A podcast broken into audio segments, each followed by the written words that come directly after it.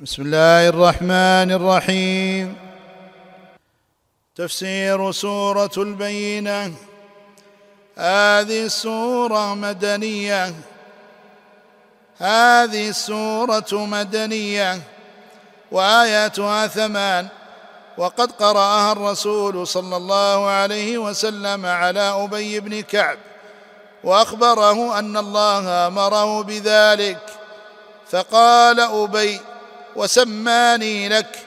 قال نعم. فبكى أبي رضي الله عنه. وقد تضمنت الآيات الأربع الأولى الخبر عن الكفار من أهل الكتاب والمشركين بأنهم لم يكونوا منفكين إلا من بعد ما جاءتهم البينة. والبينة هي الرسول. والبينة هي الرسول صلى الله عليه وسلم الذي جاء بالقرآن المكتوب في المكتوب في صحف الذي جاء بالقرآن المكتوب في صحف وهي الصحف التي في أيدي الملائكة كما في سورة عبس في صحف مكرمة. مرفوعة مطهرة بأيدي سفرة. كما تضمنت الخبر عن تفرقهم بعدما جاءتهم البينة وأنهم لم يؤمروا إلا بعبادة الله وحده وبإقام الصلاة وإيتاء الزكاة. وهما أعظم شرائع الإسلام بعد التوحيد. كما تضمنت الآيات الثلاث في آخر السورة ذكر جزاء الكافرين وهي الخلود في جهنم وجزاء المؤمنين وهو الخلود في جنات النعيم مع بيان منزلة الفريقين. الآيات لم يكن الذين كفروا من أهل الكتاب والمشركين منفكين حتى تأتيهم البينة. رسول من الله يتلو صحفا مطهرة فيها كتب قيمة. وما تفرق الذين أوتوا الكتاب إلا من بعد ما جاءتهم البينة وما أمروا إلا ليعبدوا الله مخلصين له الدين حنفاء ويقيموا الصلاة ويؤتوا الزكاة وذلك دين القيمة. ان الذين كفروا من أهل الكتاب والمشركين في نار جهنم خالدين فيها. اولئك هم شر البريه.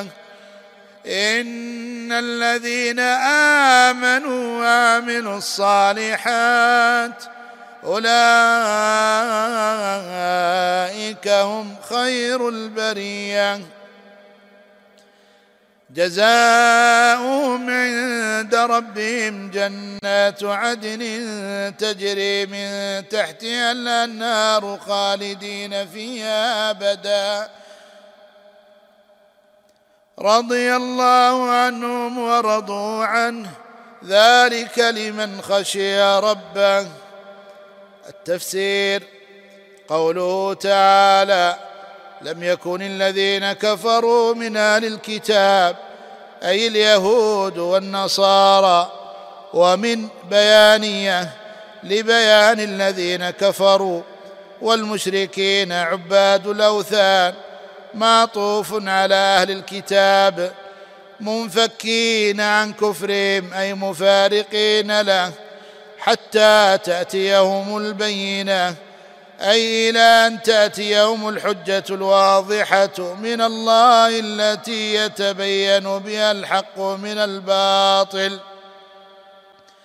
ثم بين هذه البينة فقال رسول من الله وهو محمد عليه الصلاة والسلام وإطلاق البينة عليه كإطلاق النور والسراج عليه صلى الله عليه وسلم. لأنه يبين للعباد ما نزل إليهم من ربهم كما قال تعالى وأنزلنا إليك الذكر لتبين للناس ما نزل إليهم ولعلهم يتفكرون.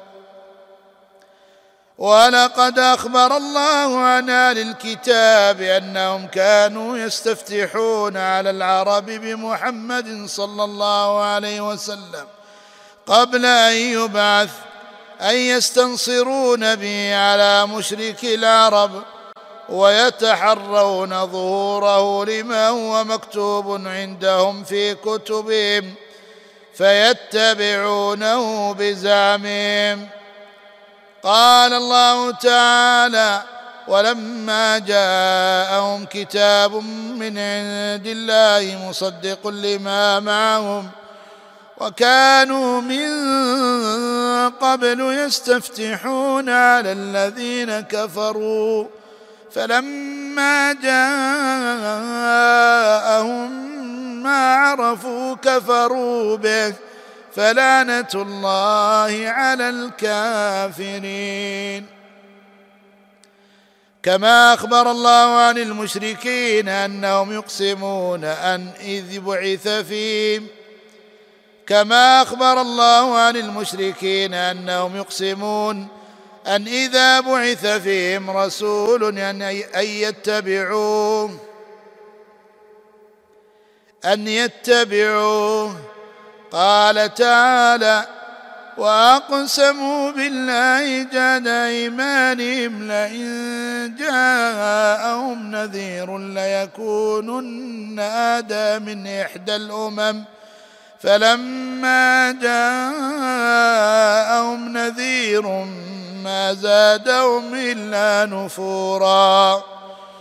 فهذا معنى الآية عند أكثر المفسرين. الأي لم يكن أي لم يكن الكفار من أهل الكتاب والمشركين تاركين لكفرهم حتى يأتيهم رسول. وقيل معنى الآية لم يكن هؤلاء وهؤلاء متروكين حتى يرسل إليهم رسول. فهي كقوله تعالى أيحسب الإنسان أن يترك سدى؟ لا يؤمر ولا ينهى وكقوله ما كان الله ليذر المؤمنين على ما أنتم عليه حتى يميز الخبيث من الطيب. وذلك بإرسال الرسل وما كان الله ليطلعكم على الغيب ولكن الله يجتبي من رسله من يشاء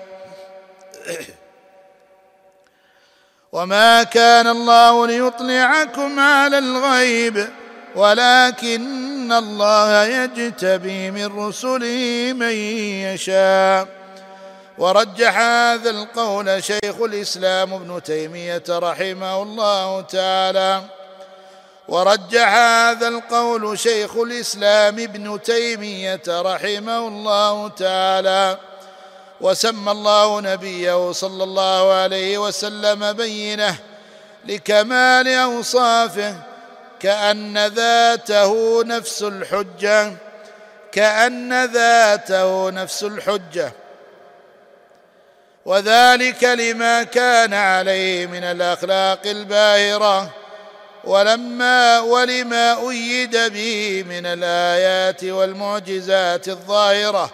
مع كونه أميا لا يقرأ ولا يكتب عليه الصلاة والسلام. رسول من الله. هذا بدل من البينة. وتنكير رسول لتعظيمه. يتلو صحفا مطهرة أن يقرأ على ظهر قلب قرآنا مكتوبا في الصحف التي بأيدي الملائكة والصحف التي بأيدي المؤمنين. قال تعالى كلا إنا تذكرة فمن شاء ذكره. في صحف مكرمة مرفوعة مطهرة بأيدي سفرة كرام بررة مطهرة أي منزهة من الباطل والتحريف فالقرآن لا يأتي الباطل من بين يديه ولا من خلفه تنزيل من حكيم حميد. فيها كتب قيمة أي في تلك الصحف شرائع مستقيمة وأخبار صادقة فكتب بمعنى أحكام أو أخبار مكتوبة وهي ما تتضمن آيات القرآن. وما تفرق الذين أوتوا الكتاب إلا من بعد ما جاءتهم البينة أي شيعا واحزابا إلى من بعد ما جاءهم الرسول صلى الله عليه وسلم بالحق المبين. فهذا موجب لإيمانهم ولكنهم اختلفوا فمنهم من آمن به ومنهم من كفر كما قال تعالى وما اختلف الذين أوتوا الكتاب إلا من بعد ما جاءهم العلم بغيا بينهم. وأفرد أهل الكتاب بالذكر لشناعة حالهم فإنهم يعلمون نبوته وصدقه عليه الصلاة والسلام. فجحود العالم أقبح من إنكار الجاهل. فجحود العالم أقبح من إنكار الجاهل الغافل. وفي الآية تسلية للنبي صلى الله عليه وسلم أي إن تكذيبهم كان لعنادهم لا لقصور في الحجة. وما أمروا إلا ليعبدوا الله. أي والحال أنهم أي الجميع ما أمروا بما أمروا به إلا ليعبدوا الله وحده مخلصين له الدين أي لا يشتركون أحدا مع أي لا يشركون أحدا معه في العبادة حنفاء اي مائلين عن الباطل اي مائلين عن الباطل إلى الحق جمع حنيف. ويقيموا الصلاة ويؤتوا الزكاة وهما من أعظم أركان الإسلام. ولذا خصهم, خصهم الله بالذكر. ولذا خصهم الله بالذكر. وذلك ما أمر الله به من العبادة والإخلاص وإقام الصلاة وإيتاء الزكاة. وأشير إليها بإشارة البعيد ذلك. لعلو شأن هذه الشرائع. دين القيمة أي دين الملة المستقيمة وهو دين الإسلام. فلأي شيء لا يدخلون فيه. ثم ذكر مآل الفريقين. ثم ذكر مآل الفريقين المؤمنين والكافرين في الآخرة. ثم ذكر مآل الفريقين المؤمنين والكافرين في الآخرة وابتدأ بالكفار لأن الحديث عنهم من أول السورة. فقال سبحانه لأن الحديث عنهم من أول السورة. فقال سبحانه إن الذين كفروا أي بالله ورسوله من أهل الكتاب والمشركين في نار جهنم خالدين فيها. أي لا يخرجون منها أبدا. وسميت النار جهنم. لأنها ذات لأنها ذات تجهم وعبوس. أولئك هم شر البرية. أي شر الخليقة عند الله لكفرهم. وسموا بريئة برية. وسموا برية لأن الله براهم أي أوجدهم بعد العدم. وأصل البرية البريئة فسهلت الأمزة وهي فعيلة بمعنى مفعولة. إن الذين آمنوا وعملوا الصالحات أولئك هم خير البرية. فلا بد مع الإيمان من عمل ولا بد أن يكون العمل صالحا ولا يكون صالحا إلا بشرطين هما الإخلاص والمتابعة. جزاؤهم عند ربهم أي في الآخرة. ومجيء اسم الرب هنا لبيان أن ما نالوا من الجزاء. هو من آثار ربوبيته الخاصة. جنات عدن أي جنات إقامة من عدن بالمكان. إذا قام فيه وعلى هذا فعدن. ليس اسما مخصوصا لجنة من الجنات بل هو وصف عام لجميع الجنات. فكلها جنات عدن. كما يفيد اشتقاق المادة ورجحه ابن القيم وجمعت الجنات باعتبار أنواعها وإذا أفردت فباعتبار الجنس تجري من تحتها الأنهار أي من تحت قصورها وأشجارها فهي متناهية في الحسن.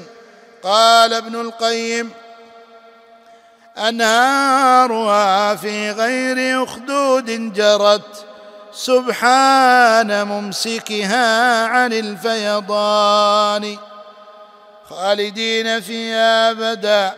وهذا من تمام السعادة. فهم في نعيم مقيم وسرور دائم.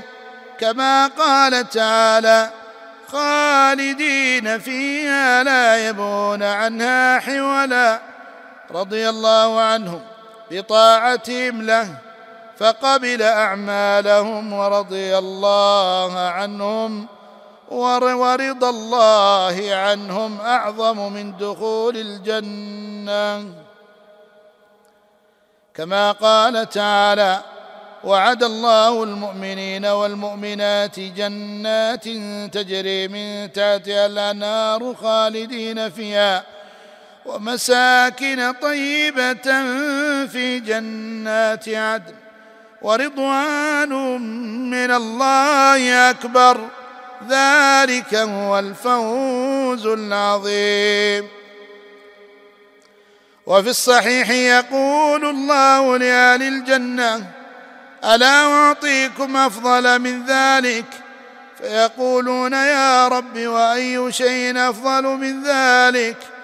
فيقول حل عليكم رضواني فلا أسخط عليكم بعده أبدا ورضوا عنه لما أعطاهم من أنواع الكرامة. ذلك الجزاء الحسن والرضا من الله. لمن خشي ربه أي لمن خاف الله واتقاه. كما قال تعالى وأما من خاف مقام ربه ونهى النفس عن الهوى فإن الجنة هي المأوى. والخشية أخص من الخوف لأن فيها تعظيما للمخوف منه وذكر التأبيد في وعد المؤمنين دون وعيد الكافرين. لأن ذلك من تمام التفصيل في الوعد. الفوائد والأحكام. اولا وصفها للكتاب بالكفر. ثانيا تسمية الرسول صلى الله عليه وسلم بينا كما سمي ذكرا في قوله فاتقوا الله يا أولي الألباب الذين آمنوا. قد أنزل الله إليكم ذكرا رسولا يتلو عليكم آيات الله. ثالثا ضرورة البشرى إلى بعث الرسل. ضرورة البشر إلى بعث الرسل. ثالثا ضرورة البشر إلى بعث الرسل. رابعا أن القرآن مكتوب في صحف بأيدي الملائكة وعند المؤمنين. خامسا أن في القرآن علوما وشرائع قيمة. سادسا أن أهل الكتاب لم يتفرقوا إلا من بعد ما جاءتهم البينة المبينة. إما تفرقهم بعد مجيء أنبيائهم بالآيات البينات وإما تفرقهم بعد بعثة محمد صلى الله عليه وسلم بين مؤمن به وكافر. سابعا أن أعظم ما أمر الله به العباد التوحيد والصلاة والزكاة وهي أهم أصول الدين الحق. ثامنا وجوب الإخلاص في العبادة واعتبار النية. تاسعا إثبات الجنة والنار وأن اهلهما فيهما مخلدون. عاشرا بيان أسباب السعادة والشقاوة. عاشرا بيان أسباب السعادة والشقاوة. الحادي عشر منزلة الكافرين ومنزلة المؤمنين بين الخليقة. فالكفار شر البرية. فالكفار شر البرية والمؤمنون خير البرية. الثاني عشر فضل صالح المؤمنين على الملائكة. قاله بعضهم لقوله أولئك هم خير البرية. الثالث عشر إثبات عندية العهد والضمان. إثبات عندية العهد والضمان.